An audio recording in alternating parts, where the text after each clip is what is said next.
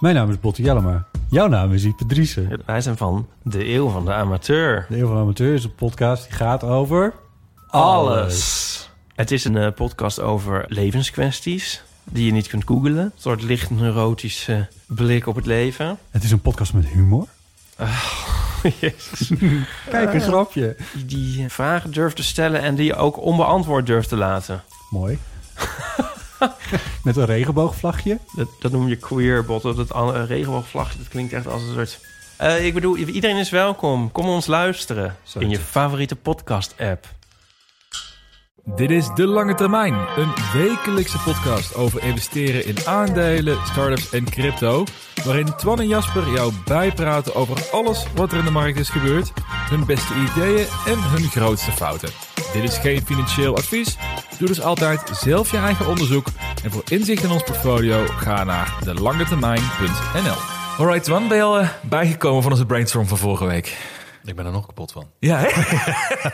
Jezus. En net ook weer even een uurtje. Koortsluiting. Ja. Zo.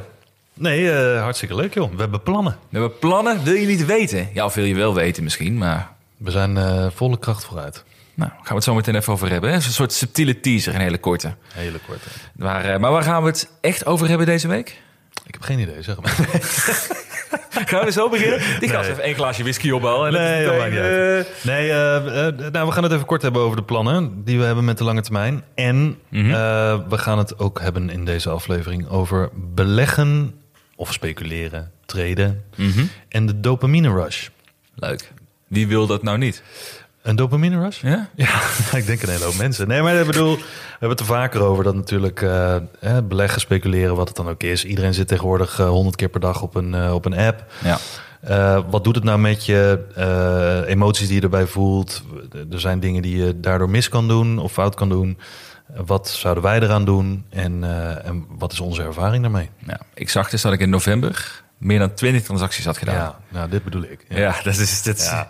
Ik voel me ook helemaal lekker erbij. Is dat die dopamine rush wat ze bedoelen? Dat, Hoe vaker, hoe beter. Hoe vaker hoe beter. Daar gaan we het wel over hebben. Ja, ik denk wel een leuk onderwerp. Ik denk, eh, we hadden het er kort op Twitter ook over. Over het gevoel dat je continu iets moet doen ook. Ja. En je krijgt er altijd toch wel veel reactie over. Van Ja. mensen die zeggen, ja, ik, ik voel het ook. Ook het gevoel dat ik continu iets moet doen. Maar ik heb wel het gevoel, als ik het doe, dat ik het ook meteen fout doe daardoor. Maar ik doe het toch. En, ja, En er, is ook, en er is ook een algemene perceptie, denk ik, over dat er een dun lijntje is tussen of je het leuk vindt, goed doet en het als een soort verslaving kan Oh, bestempelen. ja. Ja. Weet je wel, want dat doet dopamine natuurlijk ook met je. Mhm. Dat het, je blijft continu op zoek naar de volgende rush. En dat is tegenwoordig heel makkelijk, waar we het vaker over hebben gehad, met alle toegang die we hebben. Nou, wacht maar tot eh, Robin Hood hè, naar Europa komt. Waar ik het vorige Ja. week over had. Met alle en dat 24-7 trading. trading, trading. Oh ja, ook dat eh, dat je de verkeerde beslissingen kan maken omdat je, weet ik veel, in een eh, slechte bui bent of eh, alcohol hebt of weet ik veel wat. Dus dit wordt eigenlijk een soort aflevering als een soort AA-meeting. Van eh, trade minder. Aandelen Anonymous. My name is Twan. I'm an, uh, I'm an alcoholic. I'm a trader. I'm a- I'm a, I'm a wannabe trader. Van die trade. Nou, een goed moment denk ik om het daarover te hebben. En eh, ook voor de vrienden van de show gaan we nog iets verder in op de, de lange termijn 2.0. Ja. Klinkt al vet. Van wat het nou gaat betekenen. Want ja, ze hebben ons, de meesten hebben ons al bijna een heel jaar hebben ons lopen steunen. Ja. Dus zij mogen ook als eerste denk ik een uitgebreidere sneak peek krijgen wat we daadwerkelijk allemaal gaan doen. En ook wat het voor hen betekent. Want wij eh die krijgen natuurlijk wel een extra mooi plekje op een nieuw Zeker. platform. Dus dat eh, Zeker. vooral even luisteren als je vriend van de show bent. Portfolio. Ja. Ik, eh, ik wil er helemaal niet meer over beginnen, want ik zie je alweer glunderen aan het einde van de tafel. Mm, Heb ja. Je, je hebt het zwaar nog steeds. Ja, nou, Ik zie heel het. zwaar. Ja. ja, boven de 40% nu. Is het eh, weer een nieuw record voor jou Ja. nu? Ja. Iedere week opnieuw. 40, nou ja, de laatste weken, ja. Ehm, ik denk dat dat voor heel veel mensen niet als verrassing komt natuurlijk. Maar eh 40,2 procent. Mag geen naam hebben achter de komma. Maar ehm, ja, voor de eerste plus 40. En ik moet heel eerlijk zeggen, ik heb even teruggekeken. Afgelopen 17 jaar. Niet alles had ik even goed gedocumenteerd. Maar ik kan wel zeggen dat dit, dus plus 40 procent, is denk ik wel eh, top 4 jaren. Oké, ja. ja. Er zijn maar twee jaar geweest waarin ik eh, hoger heb gescoord. En het jaar is natuurlijk nog niet voorbij. Hè? En een jaar zegt ook niet zoveel. Maar, niet We uit. kunnen nog naar de 60. we kunnen nog naar de 60. ja, we, maar ja, we kunnen ook naar de 20. Dus eh, wat dat betreft, er zit natuurlijk genoeg in wat best wel risicovol is. En best wel volatiel. Dus ehm, ja, ik zou er blij mee zijn natuurlijk, plus 40. En ook omdat ik me realiseer van dit is niet zomaar even normaal. Ondanks, Ja. en ik blijf het elke week zeggen... Ondanks dat ik nog steeds onder de Nasdaq sta. Ja, oh, ja, dat is wel Dat waar. ja. ja. Dat is waar, ja. Waar staat hij nu op trouwens? Weet je dat je hoofd? Eh, volgens mij iets van 4, 45 procent of zo. Oh, jezus, ik kan niet meer durven kijken. Ik kom wel dichterbij, maar het is nog steeds bizar dat een gewoon een ETF die je kan kopen op een index, Ja. dat die hoger staat dan waar vele mensen op staan. Maar je hebt toch ook de Nasdaq QQQ, of niet? Ja, als 10% van mijn eh, weging. Ja. Heb je, durf je daar nu gaan bij te leggen? Want ik durf nu, Nee. of ik durf, ik, ik vind het nu heel spannend Nee. te kopen, maar ik weet dat die Magnificent Seven best wel. eh, Ja, ik heb ook al een tijdje niet meer op die. Nasdaq eh, ETF ingelegd. Ook omdat mijn ideale weging is 10% Hm. eh, in mijn portfolio. Maar ja, wie weet, misschien gaat er een keer wat veranderen. Maar dat zijn altijd van die momenten waarop ik denk... oh, dat doe ik dan liever als de boel een beetje in elkaar stort. ja, ja, ja. Pas op, Dan- en nu ga je timen, hè? Want, eh, Ja, oh, timer man, ik vind het fantastisch. Dat iedereen doen. Eh, nee, maar de- dat doe ik dan liever als ik me daar wat beter bij voel. Dat ik, dat ik in ieder geval het gevoel heb van oké, ik koop op een correctie. Over het algemeen doe ik dat sowieso vaker Ja. dan dat ik zomaar instap. Ehm, tenzij ik positie aan het opbouwen ben, want dat doe ik dan gewoon geregeld. mhm. Ehm, verder heb ik geen wijzigingen gedaan in mijn portfolio. Ik heb wel even nog gekeken met een Kudo Woody Shooter bril. Mm. Naar waar we het vaker over gehad hebben. Want daar zaten we samen in. Ehm, de Coinbase wissel Ja. die ik heb gedaan naar mijn Van Eck Digital Innovation eh, DAP ETF. Mhm. Dat heb ik volgens mij eind augustus gedaan. En toen dacht ik, oké, als Coinbase profiteert, profiteert die ETF ook. Want Mhm. er zitten veel eh nou, Bitcoin-bedrijven in, eh Blok zit erin. Ik dacht, oké, dat is een sector play, dat, dat trekt de hele boel wel omhoog. Ondanks dat Coinbase natuurlijk de aanvoerder daarin kan zijn. Nou, ik geloof dat Coinbase sinds die tijd, wat is het? Nou moet ik uit mijn hoofd, weet ik veel, verdubbeld is? Nee, meer dan verdubbeld is. Nee, nee, verdubbeld is bijna. Ja? Eh, van rond de 70 naar 130 of zo, of zoiets. 125 zoiets staat. Ja, bijna verdubbeld, ja. Bijna verdubbeld. En die eh DAP ETF die heeft plus 9% gedaan. Netjes. Ook lekker. nou ja, plus, nou, eigenlijk wel erg dat je zegt plus 9%. Wat Ja. ermee? Ja, word je niet meer vrolijk van nu, nee. Daar word ik niet meer vrolijk Maar da- daar hebben we, laten we eerlijk zijn, Coinbase, daar hebben we allebei wel een beetje de bal laten vallen. Ja. Want we hebben het hele jaar erover dat dat een uitstekende bed is. Ja. Begin van het jaar stond hij op 35, 36. We- we- Onze thesis is al het hele jaar hetzelfde. Ja. Dus wordt, dat wordt de exchange die gaat overleven. Binance wordt op de, op de kont getikt de afgelopen weken. Die hebben een probleem. Er zie je heel veel outflow van geld en mensen niet meer vertrouwen. Ja. Coinbase, Coinbase komt razendsterk eruit. Hebben we het hele jaar al over. Ja. En wat doen we allebei? We verkopen rond 70, 80. Net voor het moment supreme Ja. dat, de, dat de thesis, in ieder geval op de korte termijn, hè, want Ja. misschien is het nog eh, te kort om te zeggen, maar voordat die thesis dus echt een beetje zijn uitwerking gaat hebben, omdat inderdaad Binance en andere dingen eh, aangeklaagd worden en dat Coinbase als beste braafste jongetje van de klas in ieder geval het voordeel heeft, Waar we het hele jaar al over hebben. Dat we dan de trekker overhalen en allebei Coinbase de deur uit doen. Maar ja, goed, daar, we Ja. zijn transparant, dus dat moeten we ook delen, want ik denk dat iedereen het meemaakt. Ja, nee, dat klopt. Dat klopt. Net ik voor, net voor de, de uitreiking eh, verlaat je de zaal. Ja, Ja. lekker. Eh, en ehm, andere positie, Blok. Ehm, die was maar aan het dalen en was maar aan het dalen. Ik heb het wekenlang erover gehad. Wat een drama, wat een drama. Ehm, die heeft dus eventjes achter de coulissen ehm, plus 60% gedaan in minder dan een maand. Jezus. Ik zag dit bij Twitter langskomen. Ik had het helemaal niet door. Nee, ik dus in principe ook niet echt. Omdat het niet... Ja, jij zat in de IJsland, je had een Veluwe. Ja, nee, maar ja, afgezien, afgezien daarvan. Maar ook omdat het niet eh, in één of twee dagen is gebeurd. Het is Mhm. gewoon, eh, gewoon nou, ja, wekenlang is het gestegen met een paar procent per dag. Nou ja, dan eh, cumulatief krijg je ook een goed resultaat. Maar dat betekent plus 60 procent. Helemaal fantastisch in een maand. Maar ik sta nu eindelijk weer een beetje boven Jan. Ja. Want mijn gemiddelde aankoopkoers was iets van 58 dollar. En nu staat hij op iets van 63. Ja, oké, maar hier wel credits where credits due. We hebben daar een paar afleveringen over gehad. En jij heeft, je hebt er nog aangegeven van... eh, een blok blijf ik bijkomen, ik geloof erin. Ik heb, Ja. ik heb ernaar gekeken. Ik heb je toen ook gevraagd...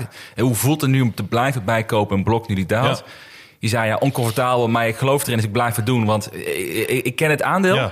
En daar profiteer je nu dus wel keihard van. Want je gemiddelde aankoopprijs zal behoorlijk naar beneden zijn gegaan de laatste eh, maanden. Nou ja, mijn inleg was min, laat ik het zo zeggen, dat mijn bijlegmomenten waren best wel klein eh, qua bedrag. Ehm, dus zeg dat ik al 80% in mijn positie van eh, blok had. En ik heb vier bijkoopmomenten gehad, zoiets. Elk van 5% van mijn positie. Dus dan Nou ja. met die lagere koersen heb ik het wat minder kunnen verlagen. Maar volgens mij stond ik daarvoor op 63. En eh, heb ik hem uiteindelijk naar 58 kunnen brengen. Oké. Ondanks dat de Ja. koers van Blok de 40 dollar heeft aangetikt.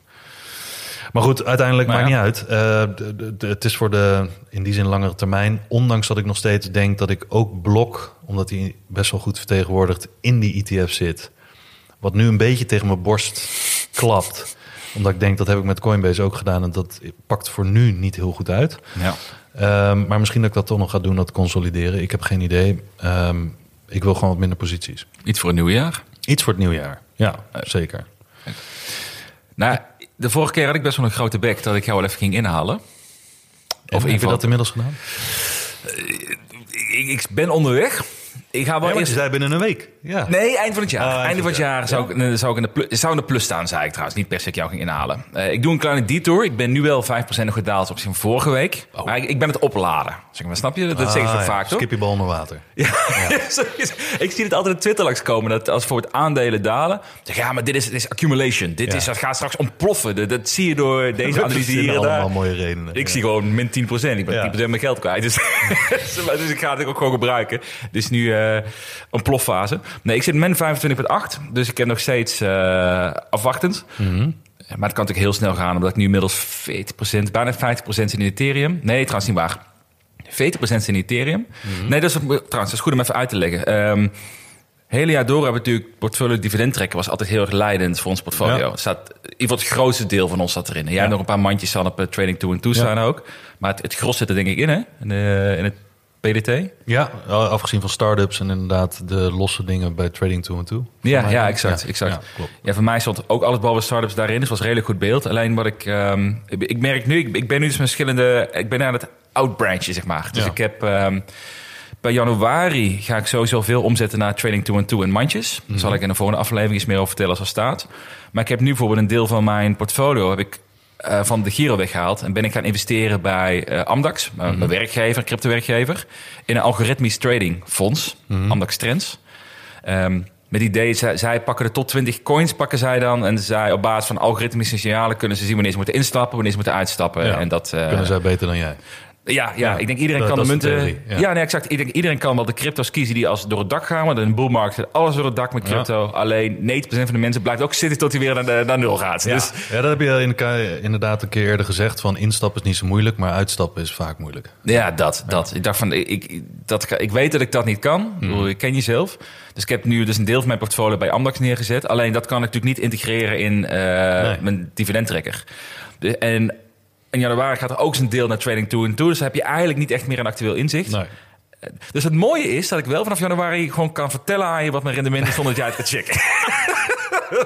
dat is wel lekker. Altijd 1% meer dan ik dus. in Jij, vervolg. oh, jij, jij 40. Oh, mooi man. Ja, ik 42. Ja, oké, nee, top. Ja, ja, Ja, er is hier en daar wat gebeurd. kan je niet zien, maar...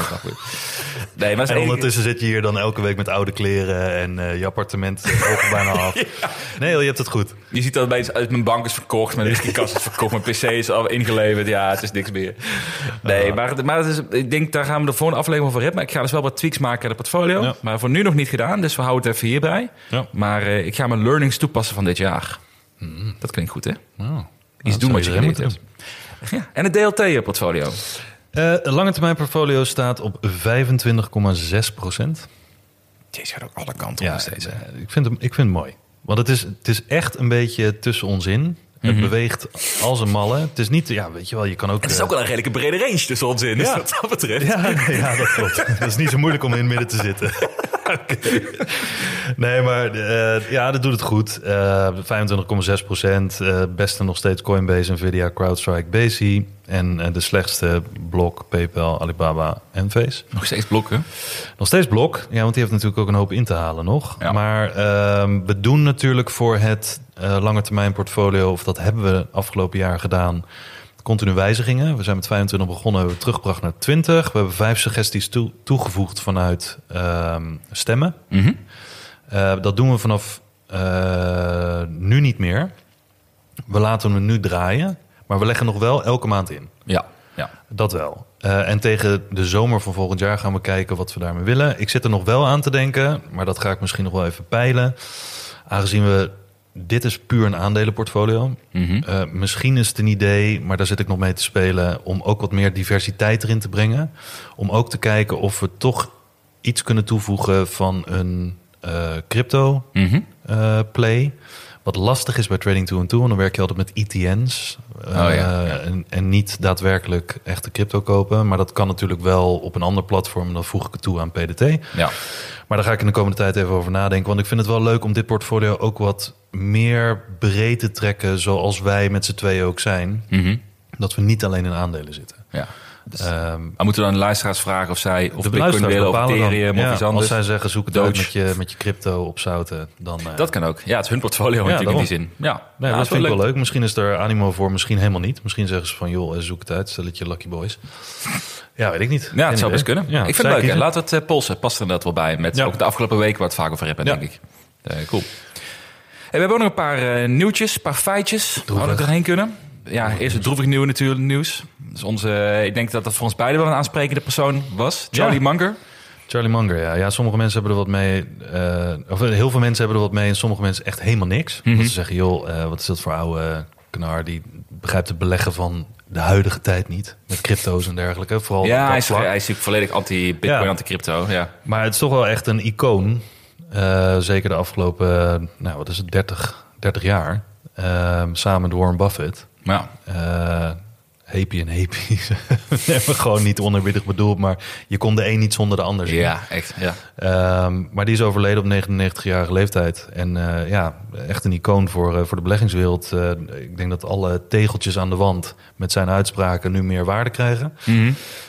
En zoals iemand ook op Twitter zei, van, vanaf nu moeten we het dan zelf verzinnen. Alle wijsheden. ja. Ja, gelukkig is er genoeg over geschreven. Maar dat, dat zijn van die momenten, denk ik ook... Hè, als je het hebt over Steve Jobs en eh, weet ik veel nog wat andere...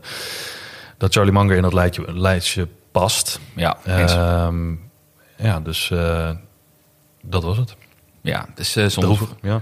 Maar, Ja, ik- maar goed, droevig. 99 Nee, jaar, ik, ik teken er meteen voor hoor. Ja. Met 99 tot, het- tot op het einde goed bij geest. Nou, dat wou ik zeggen. Het hele leven kunnen doen wat hij leuk vond. Heeft Scherp. best wel een zwaar leven gehad ook trouwens. Ik weet niet, moet ik het, het, het, dat het ik van hem kent? Nee. Ja, dat is het- best interessant om eens een keer te kijken. Want het lijkt allemaal heel Hosanna, maar hij heeft een heel zwaar leven gehad. Wel. Oh, dus dat, eh, maar het is wel vooral knap hoe hij daar bovenop gekomen is in die zin. Dus daarom, eh, dat maakt het alleen maar interessanter. Maar eh, ja, wat je zei, iets, iets denk ik waar we eh, allemaal veel van hebben kunnen leren. Ja. En eh 99 jaar tekenen ervoor. De, de Berkshire Hathaway meeting zullen nooit meer dezelfde zijn. Nee, dat denk ik. Nou, Denk dat sowieso niet Maar natuurlijk. het, eh, droevig nieuws, om daarmee te beginnen. Dan gaan we door naar positief nieuws. Ja, gelukkig wel. ja, ik zat te kijken, hoe maak ik hier nou een brugje van zonder dat het disrespectvol klinkt? maar ik bedoel... Gewoon erin rammen. Gewoon erin rammen. nou, ik wil zeggen, dus we een nieuwe DLT-platform gaan we lanceren. Een nieuwe de lange termijn. Ik noem het al langzamerhand DLT. Ja. Ehm, we hebben gebrainstormd. Misschien leuk om eens heel kort te vertellen wat ons idee is, wat we allemaal gaan lanceren. Voor de komende... Vanaf 1 januari gaan we lanceren. Toch altijd een mooi, mooi punt, hè? Ja, Dat je gaat brainstormen aan het eind van het jaar, zodat je in het begin van het jaar lekker een nieuwe frisse start, dat Ja. het dan zo goed uitkomt. Zou Ja. het toch anders zijn als je zegt van nou op, eh, op 14 september ja gaan we lijkt me een mooie datum. Nee. nee, maar dat wordt wel vet, want we gaan ehm, een nieuw platform lanceren. Ja. Dus onze, onze huidige vrienden van de show, eh, die eh, gaan we eigenlijk omzetten naar een soort abonnementsvorm. Of tenminste, de vrienden kunnen kiezen of ze willen meegaan. Dan gaan we natuurlijk iets moois voor verzinnen, omdat Ja. vrienden die ons gesteund hebben, die krijgen daar natuurlijk een extra preetje. Dus dat gaan we straks in de vrienden van de aflevering bespreken. Maar we gaan, dus, ehm, we gaan best veel brengen. We gaan twee keer in de week. Nee, trouwens, we gaan niet echt vast aantal, hè? Nee, we gaan gewoon heel veel content maken. Daar komt Ja. eigenlijk op neer. Nou ja, waar het op neerkomt is dat we hebben nu natuurlijk eh, de, de podcast, dat doen we bijna een jaar. Dat was ook een experiment eigenlijk om te kijken of dat zou blijven klikken en of we het leuk zouden blijven vinden. En we doen dat allebei naast ons werk, dus daar steken, Ja. we, steken we echt veel tijd in. Eh, Meer tijd dan mensen misschien denken. Ehm, elke week, dat is best wel een, een spanningsboog. Maar uiteindelijk vinden wij het zo leuk dat we ook tegen elkaar of aan elkaar hebben eh, uitgesproken van wat willen we hiermee? Willen we hier eh, uitbreiding in eh, gaan faciliteren? Vinden we het leuk om dit eh, door te zetten? Gaan we de podcast gewoon zo doen en elke week blijven doen voor, voor een jaar? We hebben inmiddels een, een, vind ik zelf, en jij denk ik ook, echt een trouwe groep volgers die je toch als een community zou kunnen zien. Maar iedereen is verspreid, dus die willen we erbij gaan betrekken. Ja, dat is goed. bij een nieuw platform. Ehm, en het eerste wat ik dacht toen wij het erover hadden van hè, een platform, dacht ik, ah nee, niet weer een platform over beleggen. Weet je, dacht ik zelf al hoor. ja? Ja, dacht ik zelf. Omdat ik denk, ik, ik denk altijd vaak van, joh, als er al twee koffietentjes in de straat zitten, dan zal een derde wel geen waarde hebben. Maar nou ja, dan, voor je het weet zijn er vijf en iedereen zit vol. Dus iedereen heeft zijn eigen kracht. Wij hebben onze eigen kracht. Dat willen we eh, nou, bijzetten in, in nieuwe plannen en uitbreiding van de, het werk wat we erin stoppen. En we gaan er ook echt meer tijd in stoppen. Ja, ja. Het wordt, Ja. Nee, maar echt Ja. veel meer tijd Ja. in stoppen. Dus dan moet het uiteindelijk ook wel tot meer waarde eh, leveren. En ik heb ook veel gemerkt dat mensen zeiden na de podcast... oké, jullie hebben nu een podcast waarin heel veel natuurlijk verbaal wordt uitgelegd. Ik heb altijd moeite, eh, en dan moet ik altijd terugluisteren... om echt een beetje de nitty-gritty van die onderwerpen... die je dan in vijf minuten behandelt soms... om daarachter te komen wat jullie daar nou mee bedoelden. Dus dan kunnen we daar meer over gaan uitweiden in deep dives, eh, aandelenanalyses Ja. macro-toestanden toelichten. eh, en nog wat meer in, eh, dan zowel in videovorm, audiovorm als geschreven. Ja. En daarbij de community ook betrekken, zodat we ook feedback krijgen. ehm, eh, luisteraars, meer luisteraarsvragen, QA's, dat soort dingen allemaal. Dus we gaan gewoon een hoop meer doen. Mhm. Misschien wel heel ambitieus. Nou, we waren net de content het uitwerken Ja. van onze ideeën een beetje lukken raken ook. En dat... eh, nou, misschien moeten we het kijken of we nog extra tijd kunnen kopen ergens. Dat, eh, tijd kunnen kopiëren. ja, maar dat, dat komt eraan, dus daarover later meer. Leuke plannen. Ja, ja, nou, zeker. Dus dat wordt een, eh, dat wordt een klein feestje. En ik denk dat met name leuk, denk ik daarin, wat de niche waar wij natuurlijk met name op richten, waar we misschien nog meer uitgesproken op gaan richten, zijn de mensen die dus al beleggen. Ja. En die graag iets meer verdieping zouden willen. Ja. Die het gewoon leuk vinden om gewoon analyses te lezen vanuit hè, macro-aandelen, wat dan ook. Maar niet per se de mensen die nog willen gaan beginnen met beleggen. Nee. Dus we, we kiezen daarmee echt van een hele specifieke niche binnen de beleggersgroep. En we hopen die echt gewoon perfect te kunnen gaan eh, bedienen in de komende tijd. Ja, Dus ook omdat we, het- om- omdat we het naar elkaar uitgesproken hebben dat we niet ehm, de lol eruit halen of, of het onszelf verplichten. Het, want dat vind ik altijd zo raar dat mensen dat zeggen. Ik ga mensen overhalen om te ja. beleggen. Ja, Ja, ja. dat moet je lekker zelf weten. Dat, Mm. dat, dat, dat is niet mijn rol. Maar ik vind het leuk als mensen geïnteresseerd zijn in beleggen en ze beleggen al, om in ieder geval samen slimmer eh, te kunnen gaan beleggen. Ja. En dat meer te delen. Want ik leer serieus waarschijnlijk net zoveel van mensen die reageren op ons. Dan wel door vragen waar ik zelf in moet duiken. Mhm. Als wel eh, eh, interacties met mensen en discussies. ja. Leer ik meer dan dat ik in eh, de afgelopen twee jaar op mezelf heb geleerd. Nou ja, precies. Daar gaan we iedereen van laten profiteren. Ja. Dat is het idee. Dus dat komt eraan. Binnenkort Mhm. meer over die lancering. En nog een hele snelle shout-out. Ook wel leuk. Ik zei al net dat ik bij Amdax natuurlijk bezig ben met mijn trendproduct. Maar ik werk ook bij Amdax en we hebben iets vets gelanceerd. Ja, ja, ja. Ik wil... Dit is een advertentie. Dit is een... Nee, nog niet eens. Nee. Ja, ik vind het mooi dat jij zei... Oké, deze sta ik wel toe. Deze, deze advertentie sta ik wel Deze toe. placement mag wel. Nee, maar zonder gein. Nee, we hebben best wel vragen vaak gekregen ook over eh, iets met diepgang over crypto. En wij hebben het er niet Ja. heel veel over in deze aflevering, omdat het best wel voor een niche publiek veel is. Eh, of je houdt van crypto of niet. En dat maakt het soms wat moeilijk om daar uitgebreid over te hebben. Ehm, maar als jij dus wel interessant vindt om meer te leren of te horen over crypto, wekelijks bijgepraat te worden, heeft eh, Amdax heeft een nieuwe podcast gelanceerd. Dat heet Een Nieuwe Koers. Dat zijn eh, drie formats in één. Dus je hebt een wekelijkse aflevering waar in 10 minuten tijd wordt je heel snel bijgepraat over alles wat speelt.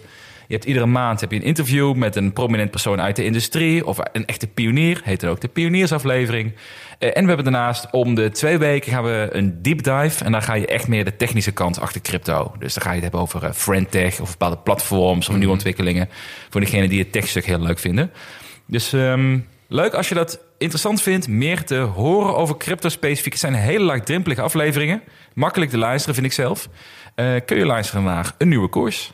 Leuk. Mooi. Hoeveel zullen we voor betaald krijgen, denk je? Moet jij, moet jij het een keer over hebben? Moet jij het een keer over hebben? Ik doe dit allemaal gratis. Ja, dat is waar ook. Ik zal, ik zal de Chiefs even vragen hoeveel bitcoin je ons oplevert. Nee, maar leuk. Eh, Ik heb hem al, ik heb hem al in mijn lijst eh, gezet, want ik zag hem bij jou voorbij komen op LinkedIn. Dus eh, hartstikke leuk. Ja, oprecht een leuke podcast. Ja. Alright, we gaan door naar de onderwerp van vandaag. De dopamine rush. Alsof we niet De- onderwerpen aangesneden. Ja, we hebben best wel veel onderwerpen vandaag, ja, maar dat is leuk. Ah, ja, hetgene waar wij het vaak over hebben, en dat vind ik. Sommige mensen zullen het afdoen als: eh, is, dit nou, is dit nou iets groots? Is het nou belangrijk? Maar ik denk wat heel veel mensen zich niet realiseren, totdat ze zichzelf goed leren kennen, is hoe ehm, belangrijk dopamine, emoties en verslaving zijn bij dit soort dingen. Beleggen. Hè, gokken natuurlijk, maar heel veel mensen zeggen ook ja, beleggen is gokken, want die hebben dan zo'n associatie ermee. Ja.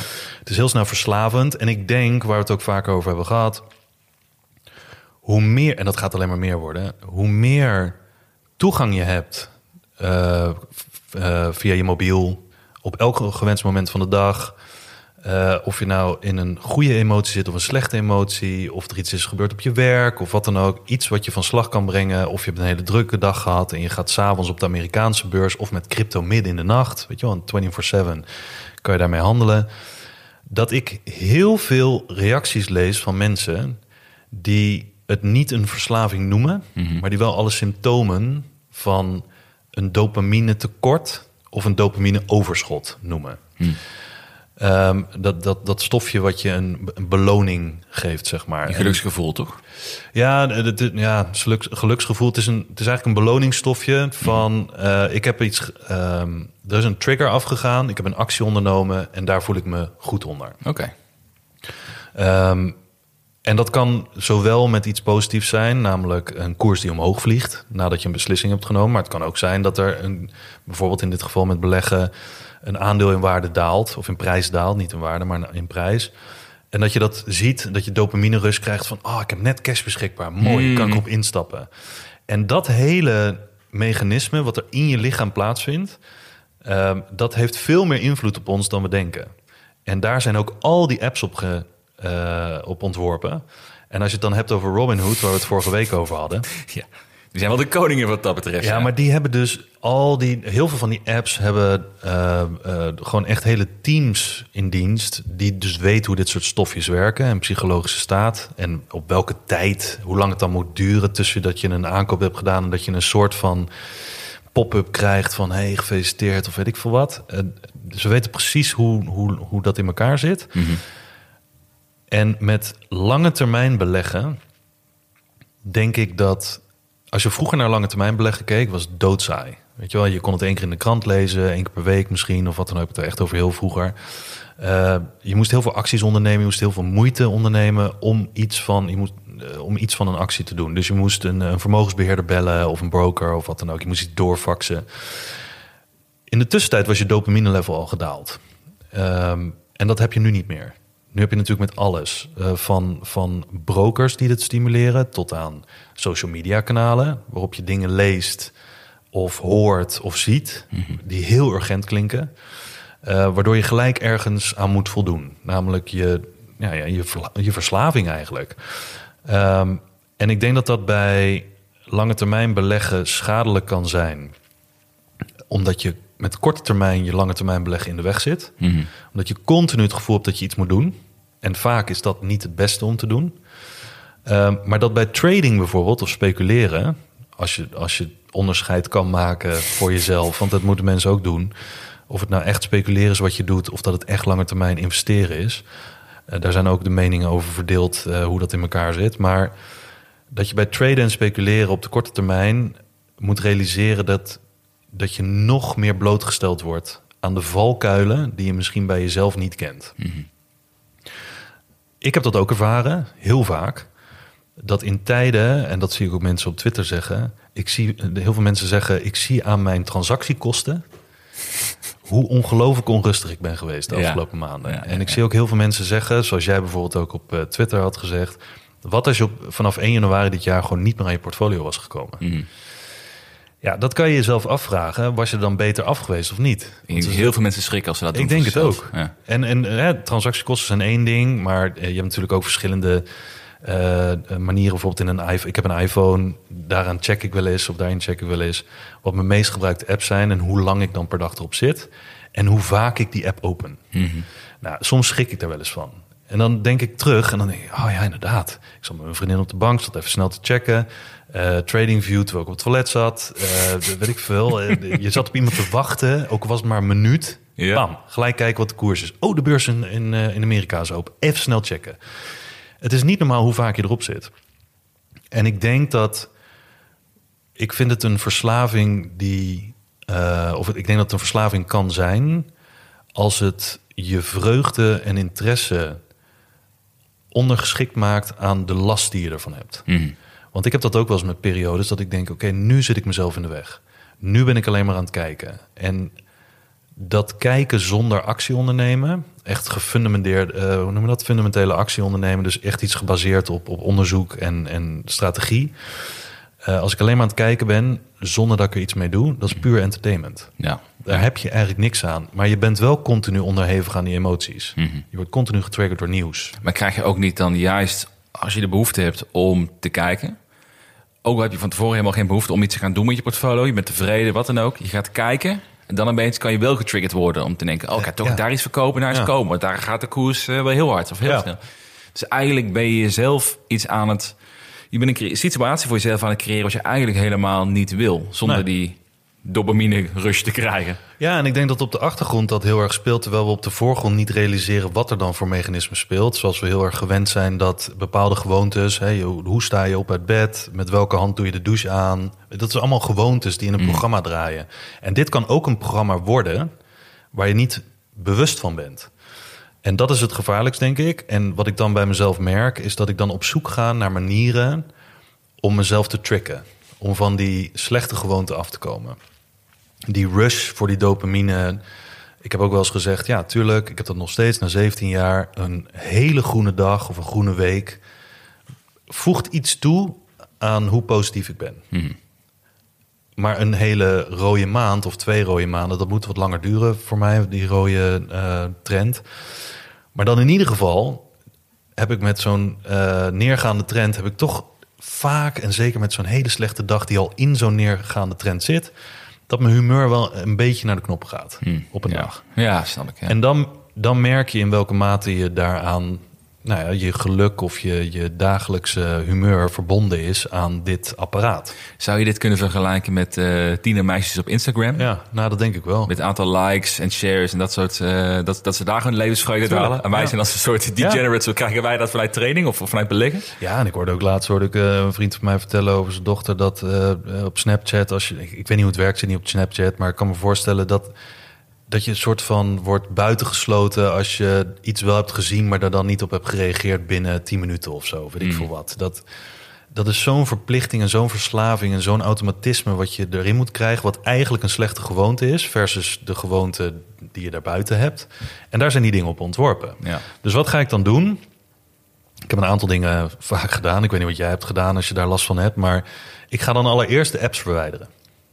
Van mijn telefoon. Ja? Omdat dat hetgeen is wat, wat het meest toegankelijk is. Dat, Ja, ik weet dat dat Ja. het meest stimuleert om een slechte gewoonte in stand te houden. Of een slechte gewoonte aan te leren. Het is gewoon eh, al je sigaretten weggooien, in principe. Ja. Ja. dus dat. En ik bedoel, hè, als je niet van de drank af kan blijven, zoals wij. En je deed ook gewoon een liter fles Ja. finish bij ook, hè? Ja, joh, daarom. Dan, dan moet je het niet in huis halen en moet je niet naast de slijter gaan wonen en dat soort dingen. Maar ehm, dat is natuurlijk allemaal eh, nog te overzien. Maar op je telefoon staan natuurlijk van allerlei dingen die je kunnen triggeren. Eh, ook Twitter kan je triggeren met allerlei eh paniekmailtjes of de post of wat dan ook. Maar dan ga ik allereerst ga ik die apps verwijderen. Maar wat ik heb gemerkt, is dat ik dan gewoon naar de webversies ga. Ja, precies. Je, je, wilt, je wilt gewoon weten wat er gebeurt, toch? Je bent jezelf echt aan het bedonderen daarmee. Ja, ja, ja. Ehm, eh, wat ik daarna heb gedaan is dat ik op momenten waarop ik weet dat ik, en dat heb ik een paar jaar geleden gedaan, op momenten dat ik weet dat ik het meest vatbaar ben voor slechte beslissingen, dat is over het algemeen aan het eind van de dag. Want dan, eh, zeker als ik een drukke dag heb gehad, dan is je wilskracht is wat afgenomen. Ehm, je batterijtje is een beetje leeg, je mentale batterij. Dus je gaat over het algemeen slechtere beslissingen maken. Dat is gewoon bewezen. Ehm, dus doe het dan niet s'avonds. Dus wat ik dan ging doen, was mijn telefoon echt in een soort... dat heette een kitchen safe, of kitchen aid, of weet ik veel wat het was. Dat is een soort kunststofbak met een tijdslot erop. Nee. Ging mijn telefoon daarin leggen. Net als, net, is net weer als zo'n zo'n meisje van 12 met Instagram... Ja. die van de social af moet blijven. Ja. Doe jij jouw telefoon Ja, om te kijken wat het deed. En? Eh, nou, gewoon kapot geslagen. nee, nee, nee. Nee, maar dan, dan werd het een soort van taakje om dat vol te houden voor twee uur. En daarna ging ik er alsnog op. Dus ik bedoel, het uitstellen van slechte gewoontes. Ja. Ik ben uiteindelijk tot de realisatie gekomen dat ik, dat ik het altijd zal hebben. Die behoefte aan dopamine. Je bent, de rest van je leven ben je verslaafd Ja. aan beleggen. Ja, nou, d- misschien ben ik... ik weet niet of ik verslaafd aan beleggen ben, maar ik ben dan wel geneigd om het grootste gedeelte gewoon gezond ermee om te gaan. Mhm. Maar dat ik er soms in kan doorslaan. Maar wat me dan opvalt, heb het, hoe, jij, jij treedt helemaal niet vaak. Als ik kijk naar PDT, ik zie jou namelijk alleen begin van de maand doe je je, je, je maandelijkse allocaties, beetje goud, beetje dit, beetje dat. Ik zie helemaal niks bij voorbij komen qua acties. Nee, dat klopt. Omdat, maar wat het meer was, was dat eh, een paar jaar geleden deed ik hetzelfde als nu. Of tenminste qua hoe vaak ik keek. Maar dan verbond ik er heel veel acties aan. Want ik had niet echt een goede strategie. En dan heb ik het echt over zes jaar geleden of zo. Toen was ik inmiddels al tien jaar bezig. Maar ik had niet echt een goede strategie en die wilde ik veranderen. En wat ik daardoor deed, was veel acties ondernemen... die niet echt gebaseerd waren op een fundament, op een strategie. Nu heb ik een strategie. Nu kijk ik alsnog veel. Ik lees veel. Ik word best wel vaak getriggerd door dingen. Wel minder, omdat je die ervaring hebt. Maar omdat ik die strategie heb, heb ik een soort van anker dat ik denk: oké, ik hoef hier niet aan deel te nemen, want dat helpt me waarschijnlijk niet, want ik heb niet voor niets die strategie. Maar ook dat is niet helemaal waar, dat dat mijn oplossing is. Want wat ik heb gemerkt, is dat ik altijd vatbaar ben voor die dopamine, rush of zucht. Ehm, dus wat ik gewoon heb gedaan, is mezelf toegestaan om met een deel van mijn geld toch te voldoen aan die dopamine rush. Eén biertje per dag. Nee, maar, ja, nee, nee, maar dat is een goed voorbeeld. Want Ja? eh, ehm, bijvoorbeeld in Trading 2 2 heb ik een heel klein bedrag staan als het gaat om de rest van mijn portfolio. Ehm, ik kom niet aan mijn kernportfolio met allerlei dopamine eh, vraagstukken of wat dan ook. Eh, de noodzaak tot dopamine of tot gokken of te speculeren. Ehm, op een dagelijkse basis. Maar dat doe ik wel in Trading 2 2 In je trainingaccount. Eh, ja, onder andere in mijn trading account. Maar dat is ook een deel bij de Giro. Maar daar ben ik wat serieuzer mee. Maar ik heb nu bij Trading 2 2 gewoon wat van die speculatiemandjes. En wat ik heb gemerkt is dat het mij niet uitmaakt of ik nou met 10.000 euro dat doe of met 1000 euro. Het gaat me meer om een soort van, ja, hoe zeg je dat? Gehoor geven aan, ik wil toch even van dit profiteren. Ja, ik, ik hoor het. You need a fix. Ja, Je hebt even dat, dat Eigenlijk heel- momentje nodig. Die Ja, koopknoppetje indrukken. Ja. En dan... Maar het is heel bizar om te zeggen dat je daar dan niet op een rationele manier aan ontkomt. En heel veel mensen, of er zullen mensen zijn die zeggen van joh, heb je dan jezelf niet onder controle? Ja, misschien niet. Eh, maar ik heb dan een manier gevonden wat misschien een soort van pleister is op, op het echte probleem. Geen idee, we- weet ik veel. Dit is geen psychologische aflevering of zo. Maar oh, laten we het er eens over hebben. Ehm, maar ik heb gemerkt dat dat voor mij met bijvoorbeeld al 1000 euro... Nou, ja. eh, dat dat een, een, een voldoening geeft. Ja, het, het, het Zonder dat het schadelijk Dat, is. eh, Ja. ja. precies. Je kunt wel kopen, je kunt verkopen. Je hebt het gevoel Ja. dat je ermee bezig bent. Ja, maar het jezelf heeft weinig impact op je. Een soort cheat day wat mensen hebben met eh, hè, dat ze heel goed willen sporten en willen afvallen en dergelijke. En dat ze dan één cheat day in de twee weken hebben of zo. Ja, ja, ja, precies. Whatever. Je sloopt niet je hele vooruitgang ermee, maar je hebt wel het gevoel dat je er iets Ja. op kunt inspelen. Anders wordt het echt eh, vechten tegen dat je iets niet mag. Maar zou je dat dan aanraden? Dat mensen die dit dus herkennen, die waarschijnlijk veel zijn... Om, aanraden. ja, eh, hoe ga ik dit... Subtiel noemen ze dat zonder dat de AVM achter ons aankomt. De- in jouw geval heeft het goed geholpen. Hey, dit is mooi, dit is mooi. In jouw geval goed geholpen om gewoon een apart account te hebben... waar je met een klein bedrag waar je gewoon een beetje mee kan traden... waar je mee kan spelen. Is dat het dan eigenlijk voor jou? Nou, ik denk dat als ik met iemand hierover zou spreken en die zou, hè, want iedereen is anders, maar iemand die zegt van, eh, wat ik tegen iemand zou zeggen is, leer jezelf eerst goed kennen. Wat zijn je valkuilen? En wat is dan de oplossing voor die valkuil? Want het kan heel goed zijn dat, dat er mensen zeggen van... joh, met die 1000 euro, dan voelt het als niks. Eh, boeien, mijn hele portfolio is 100.000 euro. Dan ga ik met 1%, dat doet niks. Weet je, je Ja, moet ja, echt adrenaline hebben. Eh, voor de een is eh, van, een, van een trap afspringen al de, de- genoeg... en voor de andere moet het uh, basejumping zijn. Ja. Ehm, maar dat hangt echt per persoon af. Maar ik denk dat je dat moet proberen. Ik denk dat je moet proberen... Daarom ben ik ook al die belachelijke dingen gaan doen. Eh, mijn telefoon in zo'n safe gooien, eh, eh, apps deleten, weet ik veel wat. En dat schreef ik wel allemaal op. En uiteindelijk was ik er gewoon achter. Oké, ik ben wel weer apps aan het deleten. Dit heeft geen zin. Ja, ja, ja. Want ik trick mezelf toch om naar die webversies te gaan en dergelijke. Of ik ging op mijn laptop zitten, of weet ik veel wat. Ja, vorige keer bij de supermarkt koop ik toch weer die slof sigaretten of een biertje of whiskytje. Ja, ja of je, leent, nou, de- je leent het van iemand. Oh, dat is ook beter. dat? Ja, ja, ja. Ja, zodat je het niet hoeft te kopen. Want zolang ik geen pakje sigaretten koop, ga ik niet roken. Ja. eh, Ik heb geen whisky thuis, maar iedere dag sta je hier aan de deur. Nou, dat. Mag, mag ik even een pakje whisky van je leden? Buurman. leg ik weer in mijn slaapzak voor de deur. nee, maar dus... En een van de dingen die ik heb gemerkt is dus dat je, of het, hetgene wat ik heb gemerkt is dat je voor jezelf er echt achter moet komen of het iets is wat je last bezorgt. Ja. Want het klinkt heel serieus, maar het is ook serieus, want het gaat om je geld. Mhm. Ik vind het serieus genoeg. En als je die valkuil kan afbakenen met een maatregel die je niet echt veel geld kost, maar genoeg oplevert om in ieder geval ergens aan te voldoen, dan heb je een goede hack gevonden, denk ik. Hmm. En eh, om er niet al te lang over door te gaan, maar wat ik heb gemerkt is dat waarom ik hier echt hard aan ben gaan werken, is omdat ik in, een, in twee jaren, in de afgelopen tien jaar, eh, heb ik eh, redelijk wat getrade. eh, waarbij ik heel consequent aan mijn strategie hield. En dan vervolgens in een moment van zwakte Mhm. of overmoedigheid, want dat krijg je natuurlijk ook vaak hè, in een stijgende markt, dat je denkt van, yo, dit is echt makkelijk. Ik ga nog meer van mijn lange termijn portfolio naar mijn trade portfolio. Ja, weet je wel, ja, want ja, ah, ik ga in en uitstappen, precies, want dit, dit werkt als een malle. Totdat je één verkeerde beslissing maakt, zoals ik had, en heb ik acht maanden of negen maanden in een jaar echt maar aan, dat, aan die strategie gehouden. Werd ik overmoedig of in een slecht moment maakte ik een slechte beslissing. En binnen drie weken Oef. binnen drie weken, hè, roltrap omhoog, lift naar beneden, Hmm. eh, was ik alles kwijt. Netjes. Ja, en niet alles kwijt, permanent kwijt, maar wel duurde het vervolgens weer anderhalf jaar voordat dat mandje of voordat dat gedeelte van mijn portfolio in ieder geval weer winst stond. Ja, ja, ja. En het waren altijd eh, twee dingen over, eh, dat ik overmoedig werd. Mhm. Of dat ik een moment uitkoos waarin ik best wel een slechte week had. En een soort van behoefte had, zoals veel mensen met een slechte week. Slecht eten, eh, eh, weet ik veel, een, een, een wijntje te veel of weet ik veel wat. En ik had dat dan ook met, eh, met beleggen. Een trade te veel. Ja, Ja, het is grappig. Hier, op zich, ik maak wat grapjes tussendoor. Maar ik denk inderdaad wel dat serieus, serieus omdat je gewoon serieus bedragen kan verliezen natuurlijk als je dit niet beseft. ja. Of niet beseft moet. Het is, het is meer van, het is gewoon een gevaar wat erbij komt bij beleggen. Is dat je natuurlijk vaak overmoedig kan worden. De markt zo snel alle kanten op kan gaan ook. Eén moment voel je jezelf de koning. Ander moment denk je Ja. van, holy fuck, wat heb ik gedaan? Ik, bedoel, Ja. ik heb het vaak genoeg ook meegemaakt in die drie jaar tijd.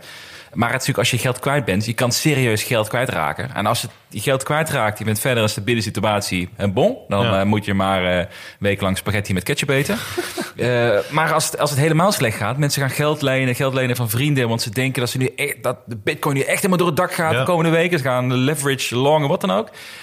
Ja, dat, dan, dat, dat zijn de manieren waarop mensen echt serieus in de problemen komen. Ja. En dat is misschien wel een overtreffende trap van de situatie die jij schetst. Maar het is wel allemaal hetzelfde basispunt, denk ik. ja, het is een overtreffende trap, maar het is wel een trap. Ja. Elk treetje brengt je verder, in dit geval een trap naar beneden. Elk treetje brengt je verder zonder dat je het eh, verder naar de afgrond, om het zo maar te zeggen, Mm. zonder dat je het echt doorhebt. Want tien treden zie je wel, dat zie je als een groot risico, maar elk treetje op zich, maand na maand, dat zie je niet zo goed. Ja. En aangezien die dingen allemaal ontworpen zijn om ons toch een beetje verslaafd te houden, ja, ik denk dat, dat iedereen, eh, dat is ook nog iets. Heel veel mensen gaan boeken lezen over hoe kan ik het beste treden. Mhm. Eh, wat zijn de grootste tips van Peter Lynch en, en dergelijke eh, qua investeerders? Maar ik denk dat je ook eens psychologieboeken moet gaan lezen. Want dat is echt meer dan de helft van het werk. Mhm. Ja, Leer jezelf ja, eerst kennen. Voordat je leert wat een eh, technische analyse is of zo. Ja, en beleggen is 90% psychologie. Niet alleen van, van wat wij doen, maar ook wat de markt, hoe die reageren. Met extreme angst, extreme greed. Dat is allemaal psychologie. Ja, dat denk ik ook. Goed punt. Dus eh, dat, eh, ja. Vrolijk onderwerp, hè? Leuk dit. Oh ja. Ga je, nog, maar, ja. ga je nog een cursus aanprijzen hoe mensen dit kunnen verkopen? Eén op één Eén op één sessies cursussen. ergens op de Veluwe. Dat is, dat is het, eigenlijk heb je nu het hele plan van de lange termijn uitgelicht. Ja, We gaan gewoon voor cursussen verkopen op psychologie. Kumbaya zingen met elkaar. Whiskytje erbij. Ja. Dat is eh, whisky light voor degenen die niet aan kunnen. Lekker dit. Nee, maar oké, maar zonder is wel een interessant onderwerp. Dus ik hoop Ja. dat dat mensen wel helpt een beetje context te geven. En dat, eh, ik, ik voel hem in wat dat betreft in Hm. ieder geval. Dus, eh, we hebben ook nog twee luistervragen Hm. uh, binnengekregen. Eigenlijk al van de week ervoor. Maar vorige week hadden we een lange aflevering. En nu gaan we ook weer Ja. de goede kant op. Maar we gaan ze toch behandelen. We hebben ook wel, dat kan nog wel. En ja, Beursbroekie, die vroeg eh, onlangs. Jullie moeten keuze maken. De rest van je leven investeren als een boomer. Mooi. Of altijd irresponsibly long in high risico assets. Hmm. Ik ga hem eerst bij jou neerleggen. Ja, en ik reageerde op hem. Ik weet wel wat voor gesprek dit wordt. Ja? maar ik, ik, ik, ja, hoezo? Want Ik had het niet meteen... nee, eh, nee. Misschien word ik verrast. Maar eh, ik zou kiezen voor de rest van mijn leven investeren als een boomer. ja. En waarom zou je verrast worden, denk je? Je denkt dat ik voor high risk Ik- assets ja. ga? Niet? Nee, nou, oké, nee, nee, ik zou ook gaan voor boomer. En weet je waarom? Even, even heel, heel eh, rationeel bekeken. Ik ga ervan uit, investeren als een boomer is gewoon in een ETF stappen, een S&P en voor de rest niks doen. Ja. Toch? Dat is Ja, dan een ja, beetje boomer principe. Ja. Nou, doe je 10% per jaar mee. Als je nu een beetje goed kan inleggen, heb je helemaal niks te klagen de rest van je leven. Heb, je, heb je het gewoon financieel meer dan goed voor elkaar als je dat kan volhouden. Of het leuk is, of je daarmee alle ambities haalt die je misschien persoonlijk hebt, dat is een tweede. Ja. Dus het zou voor mij niet genoeg zijn, maar ik zou er niet over gaan klagen. Nee. Maar als ik zou moeten kiezen, de andere kant zou het verhaal zijn dat ik daar 70 ben. En ik moet nog steeds moet ik zitten in de canoes van de wereld. ik weet niet of ik daar heel vrolijk van word. dus, eh Ik weet ook niet of je dan nog zo lang leeft als je met die stress moet leven. jezus. Ja, je weet trouwens dat ik op de absolute bodem verkocht heb, hè, canoe. Ja? Ik, Oh, klasse. ik kreeg zelfs een mailtje of een berichtje, vond ik, die vond ik wel grappig. Op Twitter een berichtje van... Jasper, ik wil je nog bedanken dat je canoe verkocht hebt. Want het was namelijk de bodem. En ik heb het dan met kunnen bijkopen. En ik heb die plus 60% gedaan. Is het sindsdien 60% gegaan? Ja, plus 60 of 70% in een maand. Een kleine maand of zo. Ja, dat, dat, eh, maar ja. Ik, ik, ik vind het wel grappig zo'n opmerking. Ik gun het hem ook helemaal. Maar we zouden allebei voor eh, Boomer. Ja, toch wel, denk ik. Alleen, ik denk niet dat boomer... En, laat zo zeggen. Ik denk niet dat de boomer-strategie van ons hele leven... als wij vanaf het begin van ons beleggingsreis... voor jou 16 jaar geleden, voor mij drie jaar dan misschien wel minder... Als wij in ons hele leven als boomer hadden moeten investeren... of we net zo ver of het zouden zijn gekomen... dan waar we nu mee bezig zijn. Nee, ik denk het Ik ook niet, toch? Nee. Nee, ik, ik was niet zo ver gekomen. Aan de andere kant, ik was misschien ook wat minder kwijtgeraakt permanent in dingen die echt high risk waren en die uiteindelijk ook uitgelopen zijn op scams en dat, soort dingen. ja. Dus dat, dat heb ik nooit nagerekend, want ik ga dat echt niet terugkijken. Daar word ik heel treurig van, denk ik. Ik heb laatst nagerekend, als ik gewoon mijn geld die ik had, gewoon had gestopt in een, eh, een eh, niet eens de Nasdaq, maar de S&P, ten opzichte van nu. Ja. Nou, ik ben een uurtje langer bij blijven liggen. Ja, ja, dat was heel treurig. Feutushouding in de hoek gaan liggen. Ja, dat was heel treurig. Dus eh, boomer for life. Oké. dat gaat hem worden. En hebben we nog een vraag. Ja. Crypto Poef. Eh, hoe, kunnen jullie aan, hoe kijken jullie aan tegen opties en gebruiken jullie ze bij bepaalde aandelen of marktomstandigheden? Ja, dit, we hebben het hier best wel vaak over gehad. Je hebt natuurlijk een hele eh, video gedaan met eh, Hubert Ja, ja, Ja. ja. eh, over opties. Ik, ik ben heel geïnteresseerd in opties, maar ik kan gewoon heel eerlijk zeggen, ik snap er de ballen van. Hm. En dan zullen mensen zeggen, die, oh, zo moeilijk is het niet. Nee, dat klopt. Ik heb er nog, nou, misschien heel mijn leven, misschien nog maar eh, acht uur aan besteed. Ja, ja. Ehm, dus nee, ik gebruik ze niet. Ik zou ze wel willen gebruiken. Heel interessant, want ik denk dat het echt wel een plek kan hebben als strategie. Niet zozeer om wat heel veel mensen dus ook bij Robinhood doen. Eh, aandelen zijn te saai, crypto's zijn te saai. Ik ga met eh, zero-day options werken en dat soort dingen. Nee, dan gewoon meer opties schrijven. En eh, wat, wat ook een aantal andere mensen op eh, Twitter vaak laten zien. Ook om wat inkomen te genereren. Lijkt me heel interessant als onderdeel van de strategie. Ja. Ik, ik heb best wel veel ingelezen voor opties de eerste twee jaar.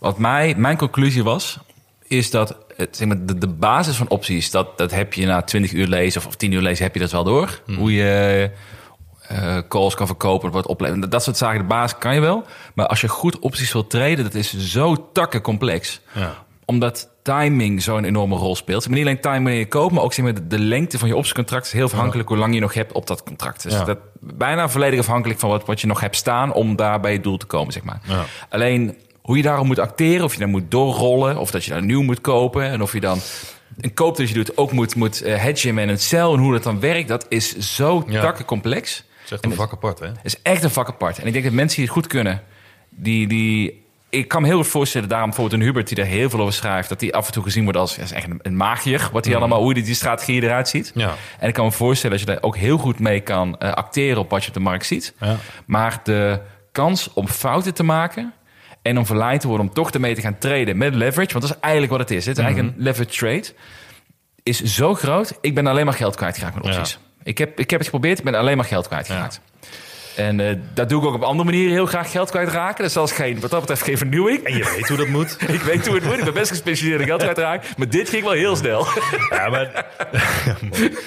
nee, maar ik denk ook... En dat heb ik voor mezelf ook nagerekend met dit soort dingen. Want ik denk ook wat ik vaak zelf besef is... Er zijn zoveel dingen om goed in te kunnen worden. Maar je hebt zoveel tijd nodig om ergens echt goed in te worden. Dat als je voor jezelf uitrekent dat je elke dag een uur ergens aan spendeert, naast je werk, tijd met je familie en dergelijke, dat je in een jaar ongeveer, nou laten we zeggen 350 uur hebt. In 10 jaar heb je 3500 uur. Ja. Als je overal goed in wil worden, dan heb je niet genoeg aan een paar duizend uur.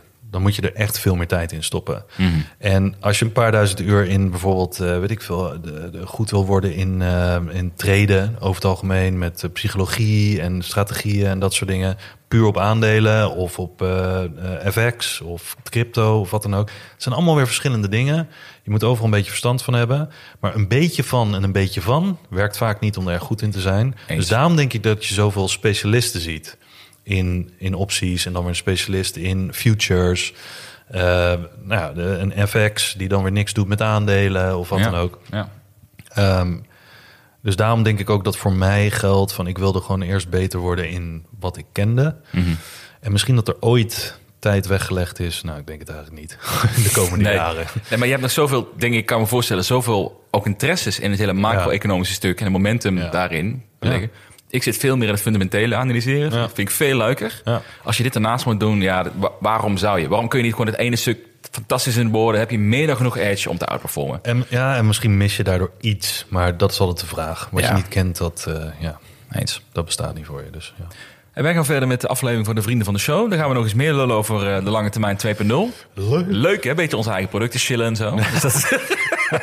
nee, daar gaan we iets meer vertellen over eh, wat er nou echt allemaal hoe het eruit gaat zien. En jullie mogen de eerste zijn die het gaan horen. Dat, eh, die privilege hebben de, onze vrienden wel verdiend, vind ik. Vinden we.